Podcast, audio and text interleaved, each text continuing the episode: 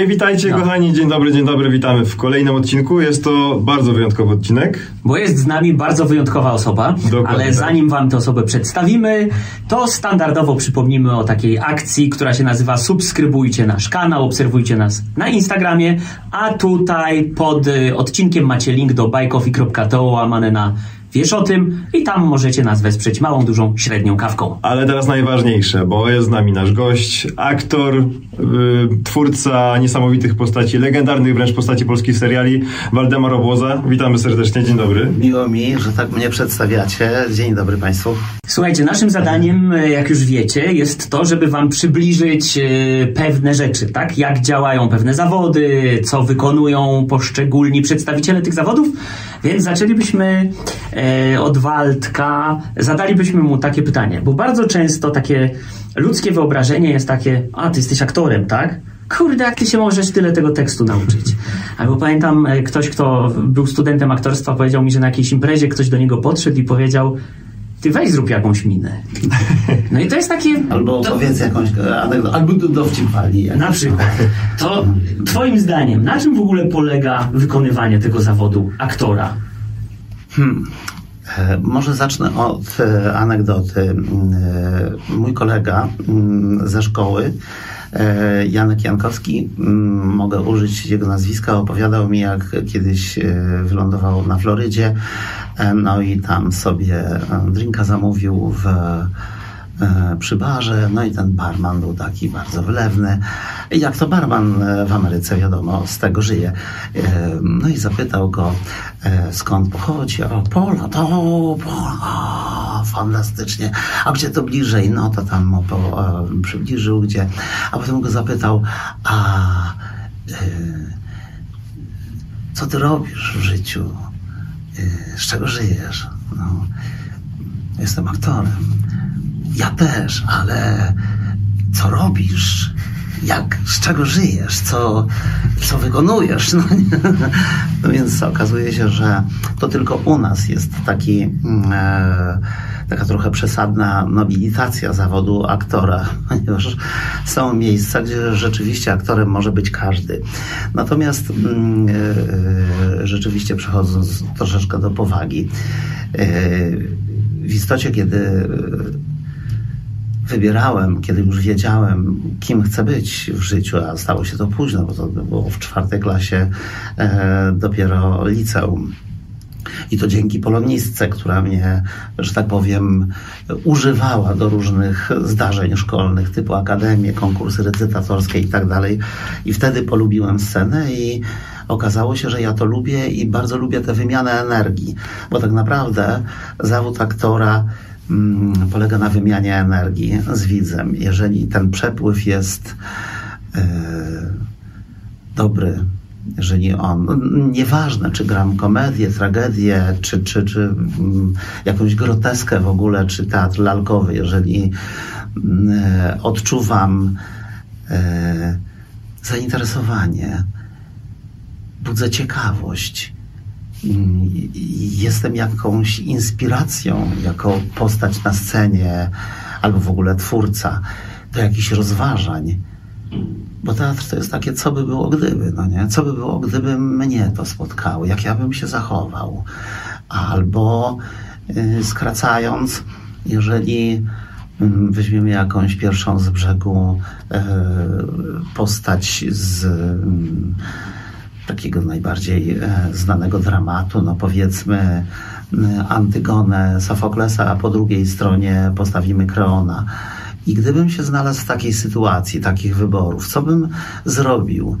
Dlaczego Antygona jest nieprzemakalna, nie idzie z nią rozmawiać i również Kreon jest zablokowany. Nie ma wtedy przepływu między nimi. W związku z tym przy takim zablokowaniu dwóch protagonistów musi się zdarzyć nieszczęście. Przestrzeń, kosmos inaczej tego nie rozwiąże. Musi być czy to krew, czy jakieś inne tragedie. I co się dzieje dalej? Antygona zasypana w jaskini, e, e, giną wszyscy e, tak naprawdę bli, bliscy Kreona, ponieważ był nieprzemakalny i na końcu co widzimy? O, mnie, jestem mniej niż niczym. Ale to jest po wszystkim, prawda? Mądry Polak po szkodzie, czy tam mądry Grek po szkodzie. To jest uniwersalny dramat. On y, przetrwał ponad dwa i pół tysiąca lat, nie dlatego, że och, jest ciekawym zjawiskiem takim na poły muzealnym, tylko był inspiracją dla wielu różnych autorów, którzy mm, wykorzystywali ten ślad takiego braku zrozumienia, albo i, i na tym polega tak, tak naprawdę mm, kazus E, tego nierozwiązywalnego konfliktu e, antycznego dramatu, że ludzie nie potrafią się porozumieć. Drugi taki przykład to jest e, Edyp, który w zasadzie jego ojciec Lajos, który zaczerpnął jakiegoś tam zdania Pytii wyroczni delfickiej i na tej bazie zbudował sobie opinię, że jego syn kiedyś go zabije i e, przejmie jego królestwo. Ale gdyby tego, e, gdyby nie był aż tak zapobiegliwy, czyli tak naprawdę głupi nieprzemakalny, tak naprawdę, gdyby nie wywiózł, gdyby nie kazał tego Edypa zlikwidować, to nie poszłyby dalsze nieszczęścia e, i po prostu znaliby się. I, I dalej, kiedy Edypa poznawaliśmy, widzieliśmy, że to piękny człowiek generalnie. Czyli tak trochę wnioskując, jest metafizyka w tym zawodzie. Ogromna, tylko po prostu trzeba w to wejść. Trzeba wejść bez, e, czasami bez dystansu. E, przynajmniej w okresie prób, no bo potem nie da rady mm, e, grać przedstawienia e, bez jakiegoś dystansu do roli, no bo po prostu byśmy się wykończyli. Wiadomo, że trzeba użyć tak zwanego warsztatu, ale żeby się dowiedzieć tak naprawdę, jaka jest istota, jaki jest problem i do czego ten problem tak mm, nie tak bezmyślnie e, rozwiązywany przez bohaterów, do czego on może doprowadzić. A więc taki teatr, teatr jest lustrem rzeczywistości trochę. My się w pewnym sensie odbijamy w tej rzeczywistości teatralnej, ponieważ cechy ludzkie są niezmienialne. One są e, tak naprawdę bardzo łatwo przewidzieć, jaka będzie reakcja kiedy cię uderzę w twarz, co powiesz, ale fantastycznie, poproszę jeszcze z drugiej strony. Nie, wpienisz się i po prostu wykorzystasz wszystkie środki dostępne ci, żeby, żeby się zemścić, no nie?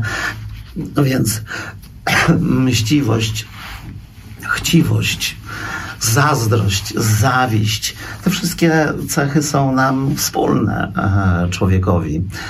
W związku z tym, w większości przynajmniej, w związku z tym łatwo jest przewidzieć, co może się stać w wyniku takiej lub takiej reakcji.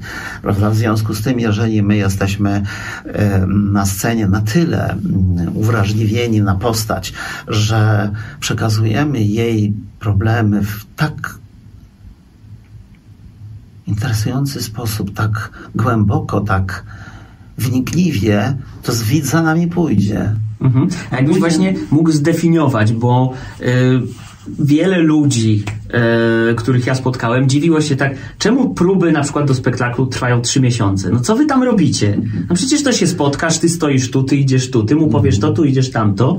By, na czym polega ten proces tworzenia takiego spektaklu? Co tam trzeba w sobie odkryć? Bo to jest tak naprawdę ode mnie takie pytanie, co jest na scenie, w filmie, w serialu, czego widz nie widzi?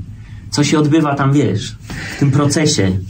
E, jedną z najważniejszych e, cech teatru jest jego, mm, jego natura, czyli żywość. On się dzieje tu i teraz. To każde zdarzenie, każda próba, każdy spektakl potem to są żywi ludzie na scenie. E, jednego głowa boli, inny właśnie dostał jakąś przykrą wiadomość, inny właśnie piękną wiadomość, jest zupełnie w innym nastroju. W związku z tym, jeżeli my jesteśmy tandemem na scenie, to musimy być w dialogu. Nie tylko w dialogu tak zwanym literackim. E, ja ci mówię to, a ty mi mówisz to. Tylko ja ci przekazuję intencję, ty mi odpowiadasz intencją, tak jak to zrozumiałeś. Możesz mnie źle zrozumieć, wtedy możesz powiedzieć, co ty mi imputujesz? Dlaczego tak mnie traktujesz? Wtedy, kiedy mm, zachodzi to nieporozumienie i zależy mi na przyjaźni z tobą, nie, źle mnie zrozumiałeś, królik. Źle, chodziło mi o to, w związku z tym rozmawiamy ze sobą. I to nie jest tylko rozmowa tekstem, to jest rozmowa całym sobą, to jest rozmowa em, charakterem postaci, em, mm, interesami też postaci, bo rozmowę można prowadzić też w sposób perfidny, manipulacyjny, prawda? To też widz zobaczy, no bo, e, bo zna kontekst, powiedzmy, albo się go dowiaduje podczas sztuki. Ach, to, to o to skurczy synowi chodził. No, może nie taką reakcję użyję, ale jeszcze mm, 200 lat temu podejrzewam, że były jeszcze żywsze reakcje na widowni. E, Bywały też takie reakcje, że aktorzy umykali ze sceny w popłochu, bo byli obrzucani zgniłymi pomidorami, gdyż sztuka się na przykład nie podobała. Demokracja ateńska zdawała sobie sprawę, że człowiek nawet z ludu, ale z kulturą w jakimś sensie zaprzyjaźniony, do jakiego stopnia tę kulturę ubogaca. Chociażby poprzez to, że wizytuje ten teatr, że w tym uczestniczy. No, kochani, czy Leonardo da Vinci, czy, czy, czy, czy Chagall, czy to istnieliby, gdyby nie ci, którzy zobaczyli piękno tych obrazów?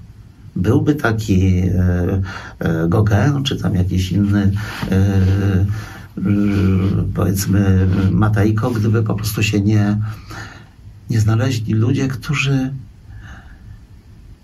zobaczyli w tym cud, zobaczyli w tym artyzm.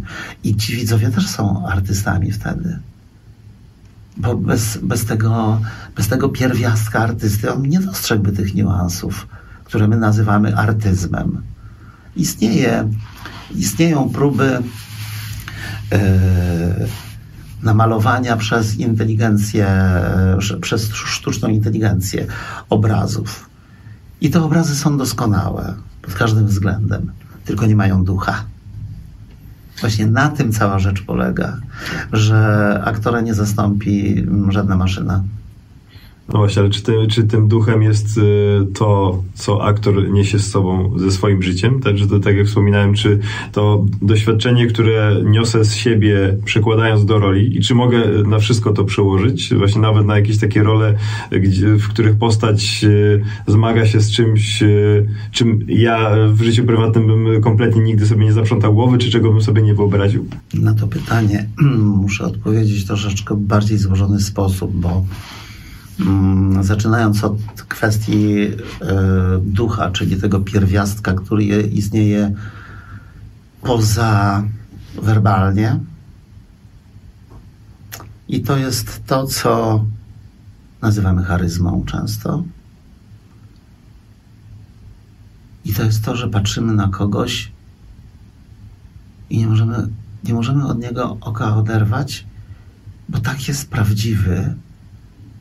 Sięgnął tak głęboko, zagarnął takie błoto spod, spod ziemi, w którym też oczywiście jest i piękno, bo jest cała historia, jest to, że i staje obok niego drugi i na niego się nie patrzy z jakiegoś powodu.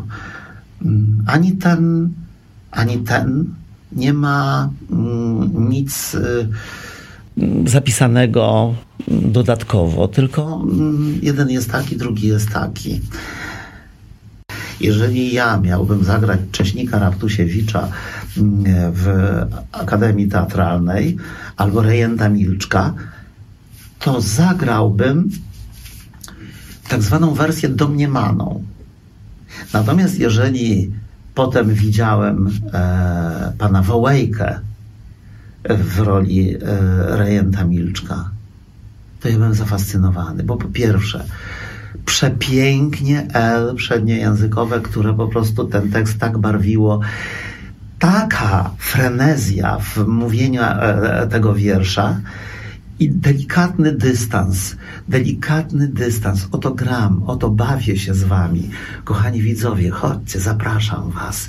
Chodźcie do, do tej wspólnej zabawy. I to nie była dla mnie ramota. To było przedstawienie naprawdę wybitne. Już nie pamiętam, kto tam jeszcze grał, zdaje się, że pan Kondrat, ale starszy ojciec Papkina. Oni wszyscy byli świetnymi rzemieślnikami, ale jednocześnie grali to z taką pasją i ze swoim równorzędnym wiekiem, ze swoimi przeżyciami. Oni nie musieli być tacy jak te postaci, ale widzieli trochę świata. Poprzez każdy okres swojego dojrzewania, potem dorastania, potem przejrzewania, potem dzieci, rodzina i tak dalej, i tak dalej. Oni to wszystko widzieli, te wszystkie lęki, strachy i tak dalej, które tak naprawdę uruchamiają się w nas w momencie, kiedy tego nazbieramy, cały stopek. Wtedy dopiero wiemy tak naprawdę, co to znaczy lęk, na przykład o dziecko.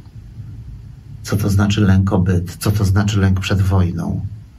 Co to jest no nie? To, wtedy to już jest, mm, e, to już jest e, bardziej empiryczne poznanie niż, niż takie, mm, takie powiedzmy teoretyczne. Także jeżeli Filip pytasz, do jakiego stopnia e, aktor, może bo tak sądzę, że tak, taki ślad tutaj przeczuwam, do jakiego stopnia aktor zbiera ze swoich doświadczeń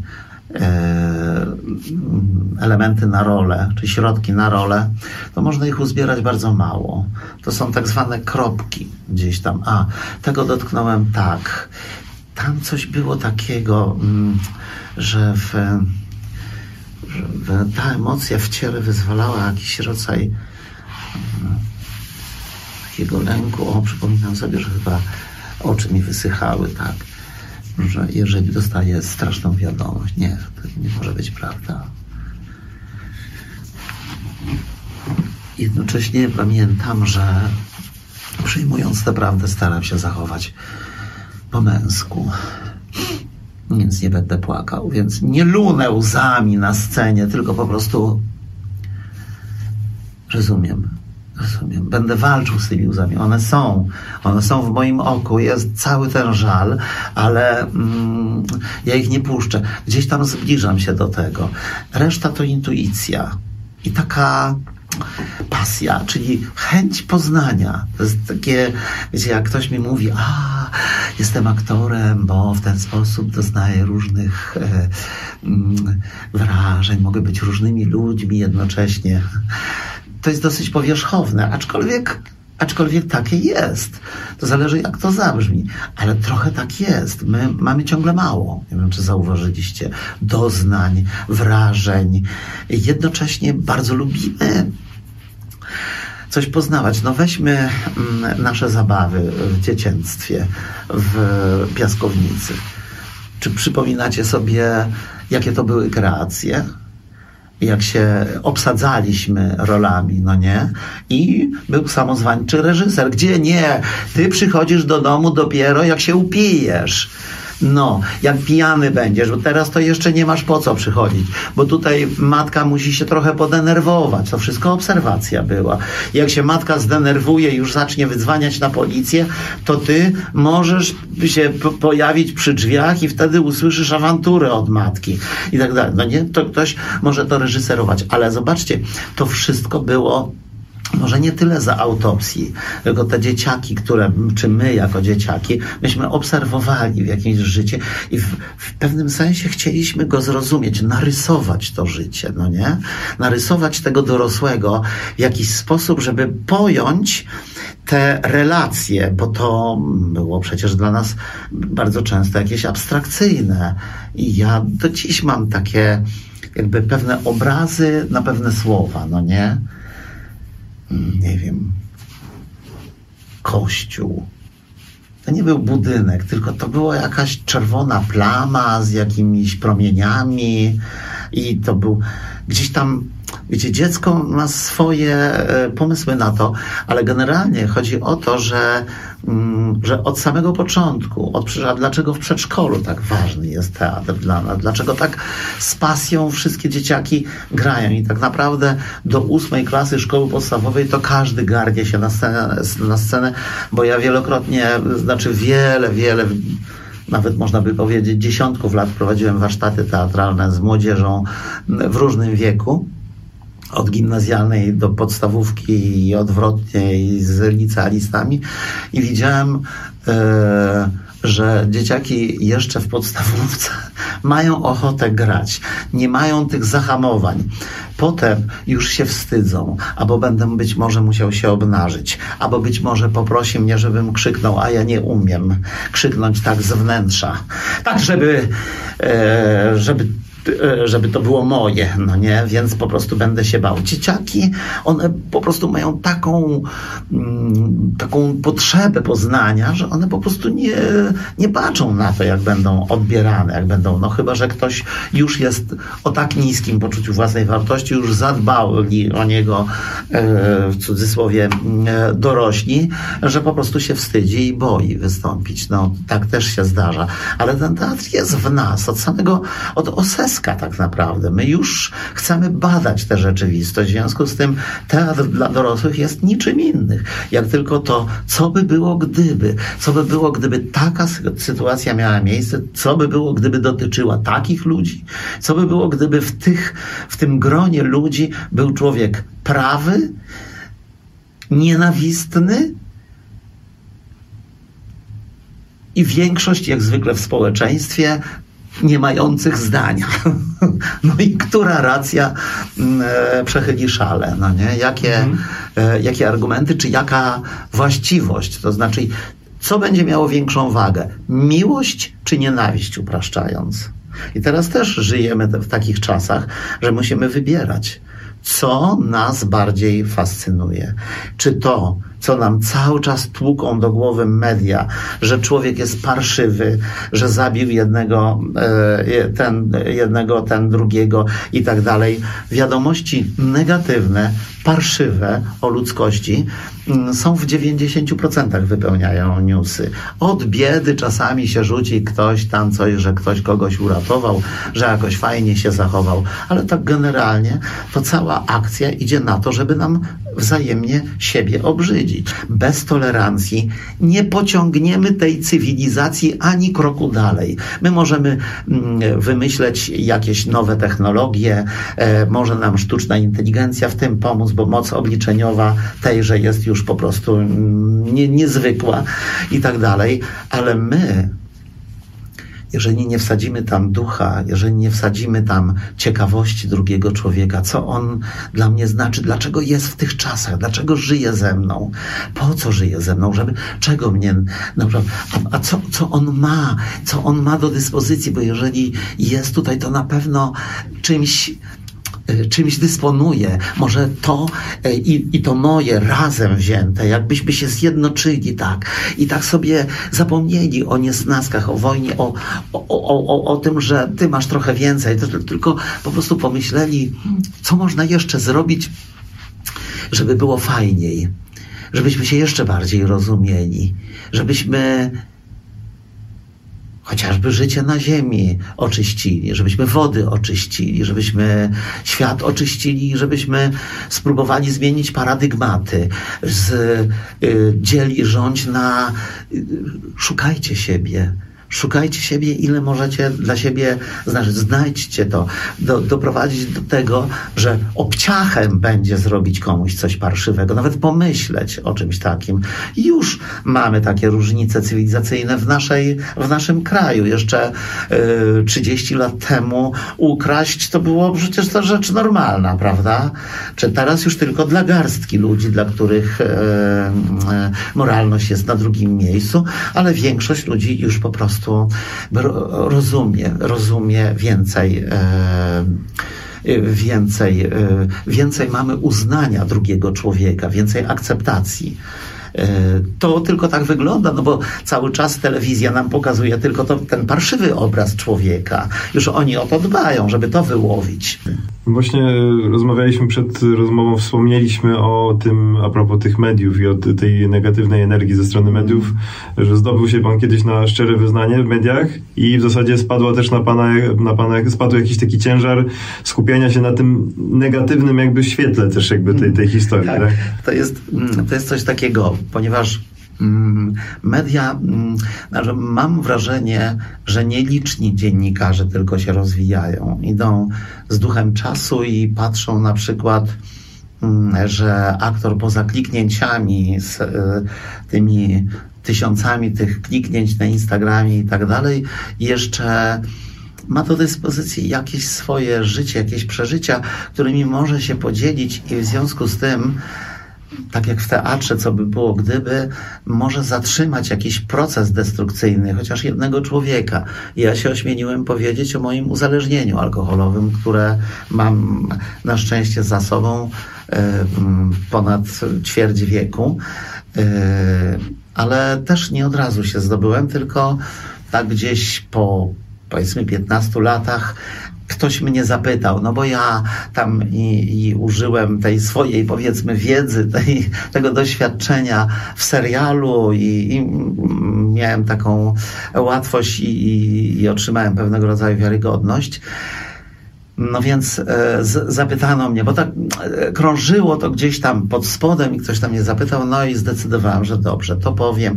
I powiem jak to było i powiem od czego się to zaczęło i jak wyglądało moje życie i e, co spowodowało, że ten alkohol stanął w moim życiu na takim ważnym miejscu i od kiedy zaczęło się to mścić, kiedy e, alkohol zabierał, za, zbierał swoje negatywne, że tak się wyraża, alegoryczne żniwo i co wtedy się stało, e, dlaczego przestałem pić, skąd znalazłem siłę, bo nie każdemu się to udaje i e, to było bardzo dużo materiału.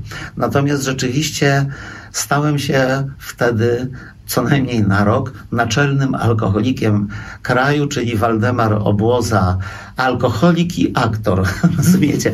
Po prostu taki e, i to wszystko takie było e, takie, takie upraszczane, takie mm, absolutnie nie interesowała e, mediów treść, tylko E, do jakiego upodlenia na przykład doszedłem, e, w jakich wymiocinach się e, wytarzałem, żeby osiągnąć to swoje dno. Dno alkoholika nie musi być wcale drastyczne. On może źle zagrać przedstawienie, bo jest na kacu i już wystarczy. Inny, bo był zagrożeniem dla dziecka. Inny, bo ma tak dużą wrażliwość, przy okazji powiedziałem to o sobie, że dla niego dzieci i, e, ich szczęście jest na tak ważnym miejscu, że właśnie zbiera z tego siły, zbiera taką moc, że przestaje pić, a potem się uczy żyć na trzeźwo. Bo to jest istotne, że jakby nie było nigdy ani słowa o tym, co zrobiłem, żeby, e, żeby to nowe życie, bez używania alkoholu w żadnym wypadku e, stało się również atrakcyjne. No więc ja poszedłem w duchowość, to znaczy zainteresowałem się sobą, kim jestem ja tutaj, co ja tutaj robię. To niemożliwe, żebym był tylko e, tą materią. E, poza tym, co mną porusza tak naprawdę. Jaka to jest siła i cóż to jest za siła, do której ja się pomodliłem i zostałem wysłuchany, bo ja rzeczywiście byłem bezradny i e, wytworzyłem w sobie taką energię, którą zwerbalizowałbym bo niekoniecznie musiałem się tak odzywać, ale intencjonalnie w, wydobyłem w sobie taką energię rozpaczy. Boże, pomóż, bo nie dam rady. Nie wiem, jak to się stało. Nie piję. Tak samo było z e, fajkami i tak dalej, i tak dalej. E, ale to wcale nie znaczy, że moje życie stało się przez to lajtowe, piękne, bogate i tak dalej. Normalnie przeżywa się je, tylko po prostu trzeba, e, no bo życie nie jest nam dane po to, żebyśmy go sobie przeżyli jak ponczusie w maśle. E, jeżeli ktoś wierzy e, w duszę, czyli, czyli w ogóle w ducha, który nami mm, porusza, to wie, że ten duch potrzebuje wrażeń. No nie? Że przez materię, przez te wcielenia my doświadczamy tego, czego nie dowiedzielibyśmy się w błogostanie ponieważ błogostan jest błogostanem, a jeżeli cierpimy, kiedy zostaliśmy porzuceni, kiedy mm, mamy mm, jakiś ból, ból, mm, ból wewnętrzny taki, z którym nie potrafimy sobie poradzić. To jest dopiero gratka dla duszy. No ale tu się wybrałem już w moje takie fantazje. Ale wiesz co, nie wybrałeś się, bo właśnie za, z, będziemy chcieli cię o to dopytać. Przy okazji mi się przypomniała, kiedyś opowiadałeś mi taką historię, jeżeli dobrze pamiętam, że jak już byłeś w Warszawie, byłeś w Teatrze Rozmaitości mhm. i też poprosiłeś o jakiś znak i pojawił się kotek.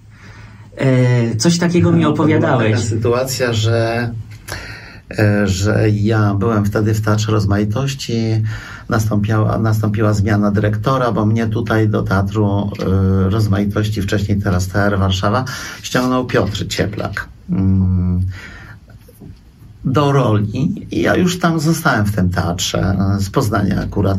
Musiałem sobie trochę życie przemeblować i tak dalej w związku z tym. No i potem mm, przyszedł Grzegorz Jarzyna, z którym miałem pierwsze spotkanie e, w mm, Księciu Myszkinia, tam grałem Tockiego. Tak nie do końca wiedziałem, czy spełniłem jego oczekiwania.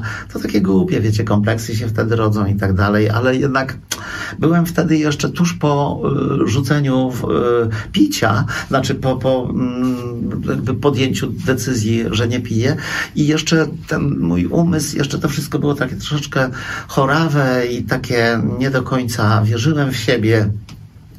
Poszedłem na czytanie takiej sztuki, do której on mnie nie zaprosił. Wybitna sztuka, zresztą Festen e, pod, pod polskim tytułem Uroczystość. Potem po premierze zaraz wskoczyłem w zastępstwo za Redka Klinstre, także byłem jednak w tej sztuce, ale wtedy zadziało się ze mną coś takiego przykrego. Myślę sobie, Boże, chyba jednak nie jestem jego ulubionym aktorem. Były tam role dla mnie było mi bardzo przykro. To czytanie jeszcze wzmagało we mnie coś w rodzaju niefajnych uczuć, zazdrości, takiej zawiści. I ja nie potrafiłem sobie z tym poradzić. Nie lubiłem siebie wtedy tak za bardzo i wracałem mm, e, z tego teatru. Mieszkałem wtedy w mieszkaniu wynajmowanym e, na Barskiej i szedłem od tego e, placu Narutowicza. Ten kawałek myślę sobie, zaraz będę w domu i nic się ze mną nie stało. Ja dalej będę w, w zawieszeniu. Nic się ze mną nie zdarzyło. I znowu zakrzyknąłem, Boże, daj mi jakiś znak, że ja jestem na jakiś, że to ma wszystko sens, że to w ogóle ma jakiś sens, że to nie jest jakieś przypadkowe, że to... I usłyszałem miau, taki rozdzierający E, takie miałknięcie. tak, jest, patrzę z miłością na te koty, są tak cudowne. No i to była kotka, czarna kotka, która się w jakiś sposób zagubiła i krzyczała o pomoc, bo była bardzo głodna i wyziębnięta, do ludzi, którzy tam przychodzili po wodę oligoceńską przy takim domku. A ja od razu, ja pobiegłem do niej. Boże, co ci się stało? Ja na do mnie to różowe. Wziąłem jakoś ją na ręce, ale ona bała się, więc pobiegłem tam do jakiegoś sklepu, przyniosłem szybko puszkę, pokaleczyłem się, dałem jej tam na ten murek, ona zjadła tam łapczywie i potem tak mówię, chodź do mnie. Wziąłem ją pod kurtkę, bo ona chciała i ciepła, i bała się. I tak wyskakiwała i znowu chciała. No i w końcu zaniosłem ją do domu i została ze mną na długie, długie lata i życie mi zmieniło. Bo pojawienie się kota w domu, to sam Filip powiedział, że pojawienie się e, tego kotka parę miesięcy temu zmieniło energię tego domu. Tak to działa. Jakiś czas temu przygotowaliśmy taki odcinek o e, szaleństwie niektórych aktorów, o tym, jak poświęcają się do roli. No i mieliśmy na przykład De Niro, który jeździł tam na taksówce ileś miesięcy, wybił sobie zęby, czy tam spiłował. Daniel Day-Lewis, który nie spał dwa dni, kazał się polewać zimną wodą. Jakieś takie no totalne szaleństwo. Co ty sądzisz o takim podejściu do aktorstwa? Takim, że muszę to rzeczywiście przeżyć, żeby potem poszło akcja i żeby zagrać te emocje. Ja sądzę, jak David Mamet, to jest patologia. To nie jest potrzebne. To jest tylko niepotrzebne męczenie ciała i znaczy oczywiście takie doświadczenie, jak, e, jak pojeździć na taksówce e, w trybie nocnym, powiedzmy e, Roberta De Niro, czy ewentualnie mm, nauczenie się pewnych czynności, jak, jak, jak lekarskich, no nie? Jak operować tym, czy słownictwa pewnego rodzaju mm, takiej e, płynności. To jest rzeczą oczywistą. To, w tym to jest kwestia warsztatu, oczywiście.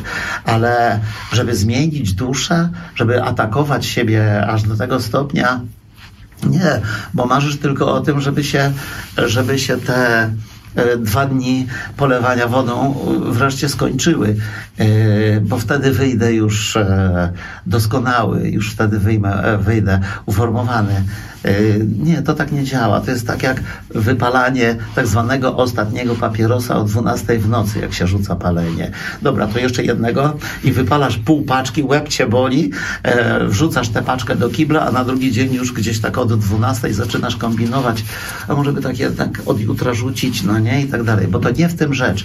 To musi być tak głębokie, to musi być tak głęboko osadzone, że żadna powierzchowność, żadne umowy tego mm, nie zrobią. Dlatego myślę, że De Niro to jest w ogóle e, bardzo interesujący, specyficzny aktor. To nie jest tak, że on ma jakieś magicznie różne środki do każdej roli. Nie, on tylko inaczej to przepuszcza. Rozumiecie, to jest to właśnie, o czym powiedziałem. Czyli nie jak, tylko którędy. Tak? Którędy to przepuścić. Jak, jaką to meridianą puścić, po jakim nerwie, no nie? No i jeżeli po takim nerwie, to siłą rzeczy być może ta ręka jest mniej ruchoma. Może jakaś, e, może jakiś tik się pojawia też w takiej sytuacji, kiedy jestem, powiedzmy, bardzo mało e, cierpliwy. E, że dosyć szybko mnie w, rozmowie ktoś zaczyna irytować, prawda? No to wiadomo, to siłą rzeczy pojawiają się środki do wyrażenia tego, ale e, jak to David Mamet mówił, e, im skromniejsze, tym lepiej. Bo widz nie jest głupi, on to doskonale widzi. On ma dobry wzrok i widzi, co mm, e, z tą postacią się dzieje, albo jeszcze nie wie, ale widzi, że coś się dzieje. Jeszcze nie wie, do czego on zmierza, albo dlaczego tak reaguje. Niech ten widz ma troszeczkę troszeczkę tej frajdy podglądania przez dziurkę od, klucz, od klucza. Ale wracając do tego piłowania ról. Mm, to były też takie czasy tej szkoły, y, no bo to było, to, to, to dotyczyło głównie aktorów, może tak, filmów wysokobudżetowych, który, które miały też pieniądze na to ale też aktorów po y, szkole Lee Strasberga, która się opierała, jak wiecie, na prawie w skali 1 do 1, bo Michał Czechow był y, współtwórcą tej, tej szkoły, tej, tego Actors Studio, które skończyli ci wybitni Mel, Pacino, Al Pacino, De Niro, Shirley MacLaine, Brando. No to, to ci, ci wszyscy najwybitniejsi aktorzy i to się wiązało z unurzaniem właśnie no bo Konstanty Stanisławski, mm, no to taka ciekawostka, to była pewna koda. Był teatr do pewnego czasu, do końca XVIII wieku, bardzo schematyczny, on był bardzo rutynowy, a Konstanty Stanisławski, ponieważ stać go było na to, bo był y, z domu bogaty, więc y, założył sobie mchat i ze, ze swoimi aktorami eksperymentował ideę czwartej ściany, czyli co to by było, gdybyśmy się zamknęli, jakby y, gdybyśmy nie grali wobec widza, jak do tej pory się grywało. Aktor był tylko pretekstem. Tylko gdybyśmy wyłącznie skupili się na sobie, na własnych interakcjach, prawda? Do jakiego stopnia by to podniosło e, e, wartość tej imprezy do góry. No i oczywiście ta szkoła Stanisławskiego nie od razu się przyjęła. Zaraz byli kontestatorzy typu Meyerhold i tak dalej, i tak dalej. Ale w Polsce, szczególnie po wojnie, nie, no już w ogóle um, e, Reduta Osterwy no, już zaczęła wprowadzać te zasady, bo to rzeczywiście brakowało w teatrze takiego, takiej wiarygodności, tego o czym ja mówię, którędy to przepuścić, jak, jaki rodzaj to jest e, energii, prawda? Brakowało. On tego jeszcze tak wtedy nie nazywał. nazywał to prawdą, czystą prawdą. Jak, e, do jakiego stopnia? W związku z tym jeszcze dalej poszedł Grotowski ze swoim laboratorium i tam to już w ogóle... Niektórzy ludzie, mówią, że nawet za daleko. No, w pewnym momencie powiedział chłopak, no, ja dziękuję bardzo, wystarczy mi i uciekł do Meksyku i zostawił tych aktorów tacy, tacy rozgrzani, tacy, wiesz, w tym poszukiwaniu niespełnieni. E, ale no to jest proces, no wiesz, teatr, te, teatr cały czas szuka tych, e, tych, tych środków. I jeszcze 100 lat temu, jak coś się zmieniało, to było wielkie halo, teraz po prostu co chwilę mamy jakieś eksperymenty w teatrze, udane, mniej udane, e, widz w interakcji, znaczy aktor w interakcji z widzem, rzecz normalna, kiedyś rampa była święta i nie przekraczało się tej rampy, natomiast jeszcze zastań Stanisławskiego. To było najwyżej tak zwana idea czwartej ściany, czyli wyobraźmy sobie, że nie ma widowni, tylko my jesteśmy sami w tym pokoju, ale nie odgradzało się przecież płotem widowni, prawda? Czy po prostu graliśmy normalnie historię, no a jeszcze Antoine przecież rzucał żywym mięsem na scenie. Jak trzeba było y, sytuację w rzeźni zagrać, to y, aktor grający rzeźnika rozpruwał prawdziwego prosiaka na scenie. Oczywiście wycofano się z tego, bo to było szokujące oczywiście, jak takich y, wypadały i tak dalej. Wycofano się z tego, bo to bardzo trudne jest realizacyjnie, ale przesuńmy się ponad wiek dalej. Mamy bachantki e, e, Krzyśka Warlikowskiego i oto e, Agałę e, matka Penteusza, przynosi swojego syna, opętana totalnie, w wiadrze. Kawałki mięcha z wiadra wyrzuca na stół blaszany, jeżeli pamiętacie. W związku z tym te tęsknoty takiego dowalenia, takiego wręcz obrzydzenia, krwi płynącej, no jeszcze we wcześniejszych misteriach średniowiecznych, no to tam już były takie zabiegi, że aktor miał pęcherz zwierzęcy z krwią bydlęcą pod ubraniem, jak go przebijają, przebijano mieczem, to on bro oczył tą krwią, y, ta krew żygała po widzach po prostu strumieniem ostrym.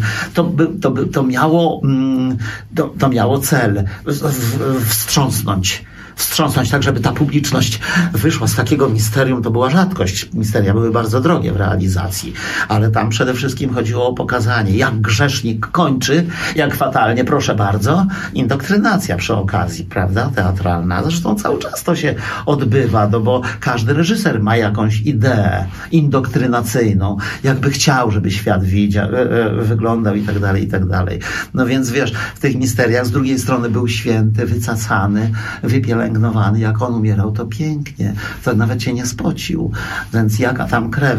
Że po prostu chodziło po prostu też o stan e, wyposażenia umysłów e, ludzi. No, w, w teatrze antycznym w ogóle się nie używało, w ogóle nie było scen walk, żadnych krwi i tak dalej.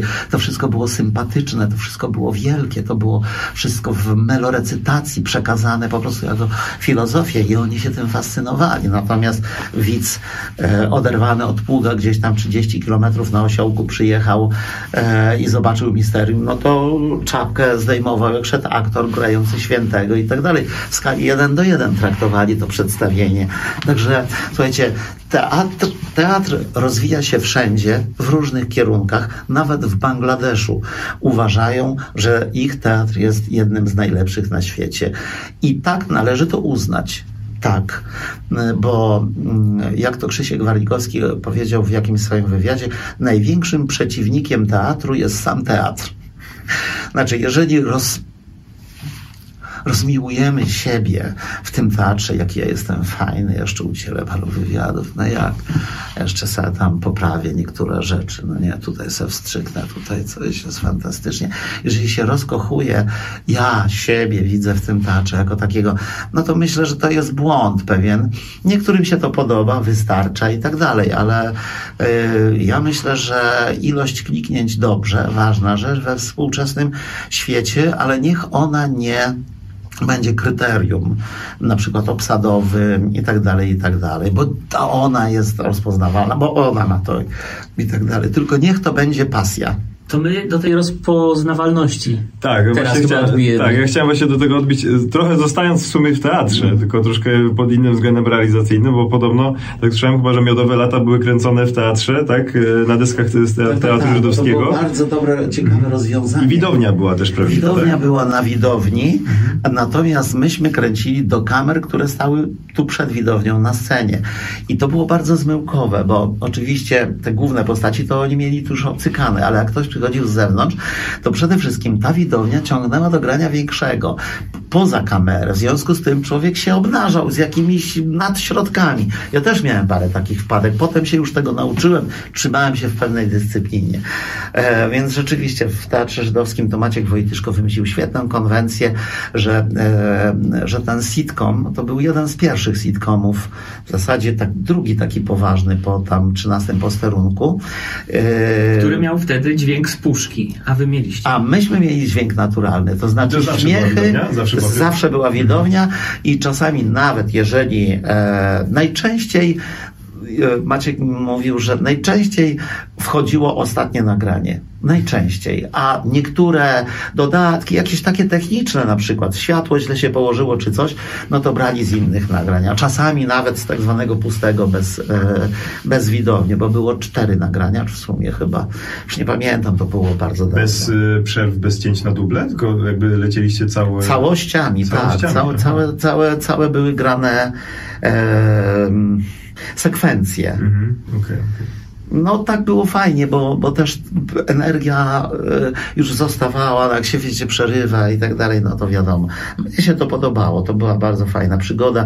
Zresztą to był sitcom uznany za jeden z najlepszych w tym, bo w pewnym podręczniku e, w gimnazjum e, do języka polskiego była ilustracja, to znaczy były, by- były omówione produkcje telewizyjne, talk show, e, tam nie wiem, co tam jest jeszcze jakieś tam Jakiś teleturniej, coś, coś tam takie, e, no i oczywiście sitcom.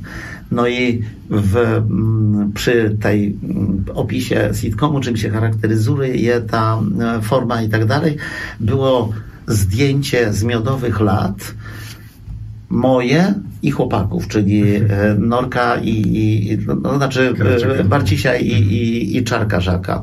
Czarek Żak. e, Z Czarkiem Żakiem byłem na roku, więc tak fajnie nam było tam się spotkać.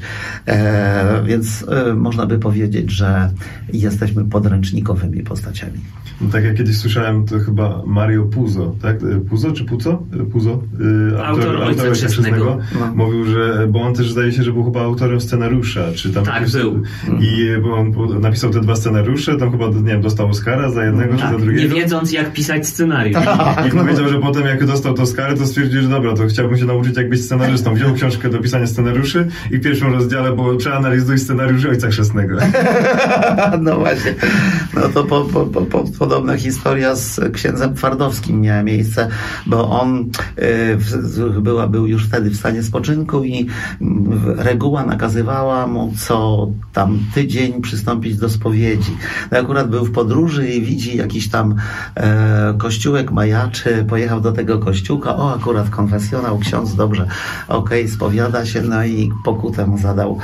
Em, pokuta była straszna, aby przeczytać trzy wiersze księdza Twardowskiego. A jeszcze właśnie y, y, zostając przy miodowych latach, bo kiedyś mi się kojarzy, że pan wspominał, że na początku ta rola Kurskiego miała być taka mniejsza, tak? Ograniczona i że to potem jakoś tak chyba wyewoluował, Znaczy, tak? no, tak, to, tak właśnie bywa z takimi rolami, że jeżeli ona się włoży jakoś w charakter mm, e, produkcji, no to scenarzyści i producenci chętnie skorzystają z takiej okazji. Ja akurat e, tego Kurskie, tak, to rzeczywiście to było jedno wejście. On tam przychodził, e, opierniczał ich, że za głośno śpiewają. Oni się przygotowywali do jakiegoś tam e, teleturnieju muzycznego, coś w rodzaju tam, jak oni e, jaka to melodia, czy coś takiego i e, no i to było już, późno, Górski przyszedł ich opierniczyć, ale przy okazji sobie włożyłem to takie intuicyjne takie rzeczy. A, nudziłem się przez ten tydzień, to sobie wymyśliłem tatuaże i te tatuaże to e, akurat zerżnąłem z mm, i ta koszulka pomarańczowa, to tak, taka postać trochę zerżnięta z mojego sąsiada, e, ewidentnego alkoholika, wcześniej gdzieś tam mieszkałem na Ochocie e, i on właśnie zawsze sąsiadczka, jakbyś tam straszna bieda. No dobra, tam dwa złota zawsze jakieś dostałem. Ja już wtedy nie piłem, zaznaczam. E, I e, nauczył, to znaczy od niego wziąłem parę zwrotów, te tatuaże, tę koszulkę. No i to ta postać, wszedłem tam, e, e, tam ochrzaniłem, ale jeszcze przy okazji E, mieszkanie się zlustrowało, co tutaj jest, sprawdziło się zamek, czy solidny, no dobra, to do zobaczenia sąsiady. I to tak zafascynowało Maćka, że jest przestrzeń wokół tej postaci. Potem jeszcze mnie zaprosili do drugiego odcinka bez perspektywy takiego dłuższego, no, dłuższej obecności, ale potem e, pamiętam, że, e, że, że oni po prostu ustalili, że, że ta postać powinna być tam, jakby, że ona poszerza nam informację, czym jest ta klatka schodowa, w jakim środowisku ten Norek z Krawczykiem żyją i dlaczego mają taką determinację, żeby się stamtąd wyrwać, a nie mają środków. W związku z tym on tam funkcjonował, no ale on był, wiesz, taki to był tak, taki swój chłop, no nie? On e, przyfasolić w, w, w dziób, e, owszem, ale broń Boże, tu swojemu i tak dalej. No, I romantyk, romantyczny. I romantyk, tak, tak. No potem to już do, do, dostał parę jeszcze dodatkowych cech. Ja sam tam napisałem dwa treatmenty chyba e, do tego, także tam jeden odcinek to na pewno był mój e, Kurski zakochuje się w mamuśce i tam z Wojtkiem Pokorą, który świętej pamięci, który grał e, teścia, e, teścia męża, znaczy męża e, mamuśki i okazuje się, że mieli wspólną przeszłość z Kurskim, bo on był e, kierownikiem poprawczaka, w którym Kurski przebywał we wczesnej młodości. Więc to było wszystko takie naprawdę, to było bardzo przyjemne. Miodowe lata wspominam jako niezwykłą przede wszystkim przygodę. Dyscyplina, nie było tam takiego, wiecie, dowcipu spod pachy. Naprawdę szlachetne, szlachetny produkt w swoim stylu. A mogę powiedzieć, że jestem szczęściarzem, że brałem udział w tym. No i właśnie, i to był taki kamień milowy, a drugi w zasadzie można powiedzieć y, na wspólnej, to też jest znaczy- jednak rola, która się mocno wybiła. Te no, dwie no, takie role, takie, które, które bardzo mocno nabudowały. że już jestem Roman. Mhm. No, już mm, w zasadzie nie funkcjonuje jako E, Waldemar Obłoza, tylko Roman. Nawet powiem wam, że jak zdradzam gdzieś tam w jakimś środowisku, gdzie mnie nie znają, jakieś cechy takie normalne, takie to są troszeczkę rozczarowani. Nawet miałem kiedyś taką przygodę, a to jeszcze z miodowymi latami. Pojechałem nad morze do Piasków, za granicę morską, no i tam yy, fajnie było, przaśne warunki, jeszcze wtedy, teraz to już tam się rozbudowało, nabudowało, już jest normalnie kurortowo, ale wtedy to była taka wioska, powiedzmy, rybacka. No i parę pensjonatów takich, w których myśmy tam mieszkali z dzieciakami. Dzieciaki miały luz, moje dzieci były wtedy bardzo młode, nawet małe, więc tam po prostu brudne, niebrudne, mogły robić wszystko i było fajnie. I ja któregoś razu idę taką drogą, ona nie była nawet asfaltowa, tylko taka krawężniki były i po środku takie płyty, jak y, takie dziurawe płyty, takie, że się takie drogi betonowe mm. budowało. I tak idę po drugiej stronie, a z drugiej strony ja pierniczę to pan? Taki rybak tam miejscowy. I mówię, to znaczy w sensie, że no w mordę jeża strzałeczka sąsiady? Ja mówię, no coś mi to przypomina. Kurski w mordę, Kurski, ja pierdzielę. Kurde, no to nam się porozpływał, jak to fajnie, no bo z tą postacią tacy się identyfikowali, no to był, to był ich swój chłop, no nie, jeszcze z ekranu. Mówi, kurde, pan powie tak strzałeczka sąsiadzie, co ja mówię, no nie, no kurde, jestem tu na wakacjach, no chciałbym już tak zostać sam już tutaj. Nie, kto, nie no, no, to kurde raz. Ja mówię, no dobrze, strzałeczka sąsiady. Eee, wolę tamtego. Odwrócił się napięcie, poszedł, już mi nigdy dzień dobry nie powiedział. W ogóle przestałem się dla niego liczyć, bo to jest siła e, postaci, którą się gra. Masz być taki jak postać, a nie tam coś tam filozofować. Ale właśnie trochę wyprzedziłeś pytanie, bo chcieliśmy cię zapytać o to, czy no już powiedziałeś, że zdarzyła się taka sytuacja, ale czy, czy było takich sytuacji więcej, że cię utożsamiono z jedną postacią, z drugą, No, kiedyś- przyjemnych albo nieprzyjemnych? No, kiedyś mnie w supermarkecie e, e, mi zrobiła zjebkę e, taka starsza pani, że jestem pijakiem, moczy mordą i żebym po prostu przestał tę Ewę już tak męczyć. Ja mówię, a pani nie mówi poważnie.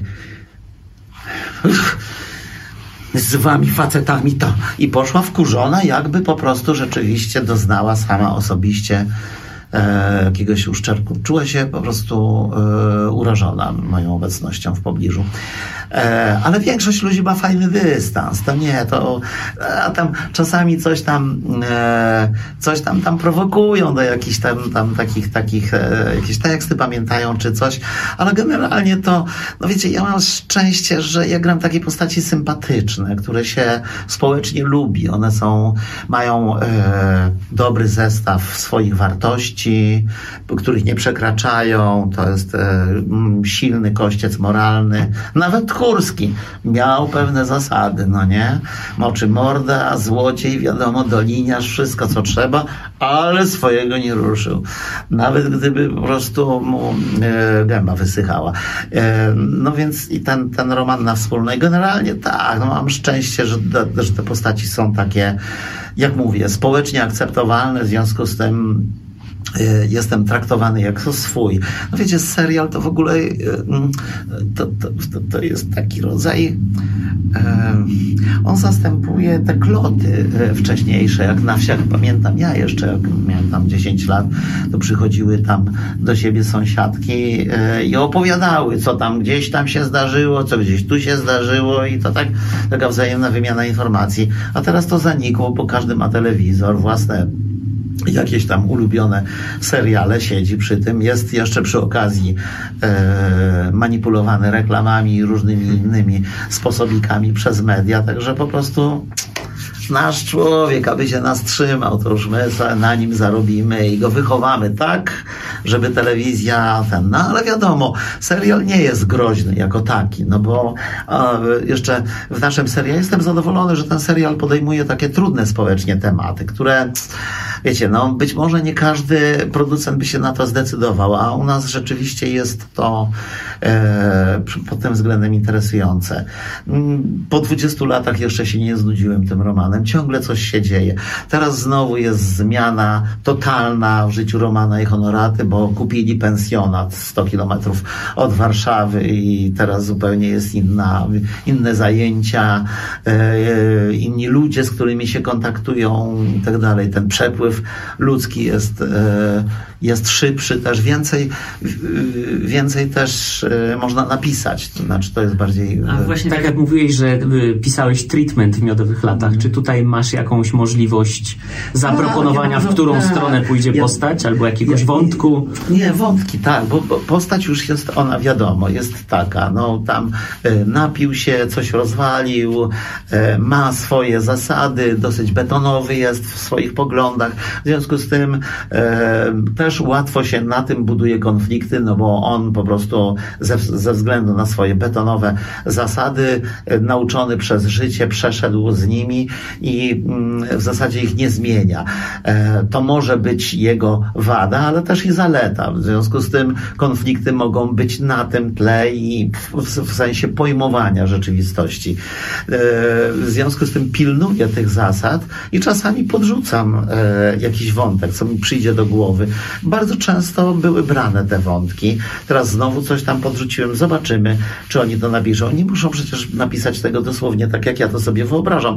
Mogą coś z tego zaczerpnąć, ale sprawia mi to przyjemność w związku z tym, jak coś mi przychodzi do głowy, to mm, po prostu e, pisuj, piszę to w charakterze takiego draftu, co się po czym dzieje, gdzie jest problem, jak ten problem się rozwiązuje i tak dalej, i tak dalej. Także tak, to jest takie fajne, że oni to też uwzględniają. Super, no, to, no cóż, no, bardzo dziękujemy myślę za, za tę rozmowę, która no, poruszyła bardzo dużo ważnych tematów, tak? I, Ale i no aktorskich. nie, jak typowych. zostać aktorem, nie powiem tego, bo nie jestem w stanie tego powiedzieć. To się. Mm, myślisz, że jesteś aktorem po ukończeniu szkoły teatralnej, jeszcze nie jesteś. Dopiero po paru tak zwanych krokach milowych. To są role. Na przykład dostaniesz rolę w Strindbergu, dostaniesz rolę w, mm, w jakimś musicalu, dostaniesz rolę w e, Szekspirze, w jakimś Molierze i jak przetrzesz się tak naprawdę przez scenę tak po, porządnie, to wtedy możesz powiedzieć o, o, o tym, że, y, że jesteś aktorem. No? Bo tak to jesteś w dalszym ciągu barmanem. No i tak kończymy. Słuchajcie. Tak. Bardzo Wam dziękujemy za obecność.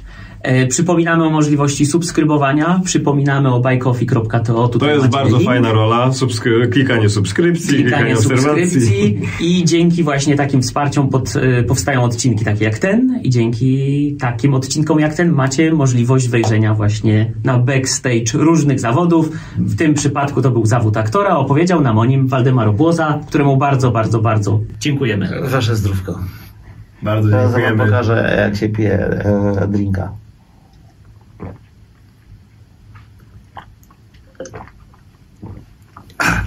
I tak kończymy. Dzięki wielkie, do usłyszenia, do zobaczenia.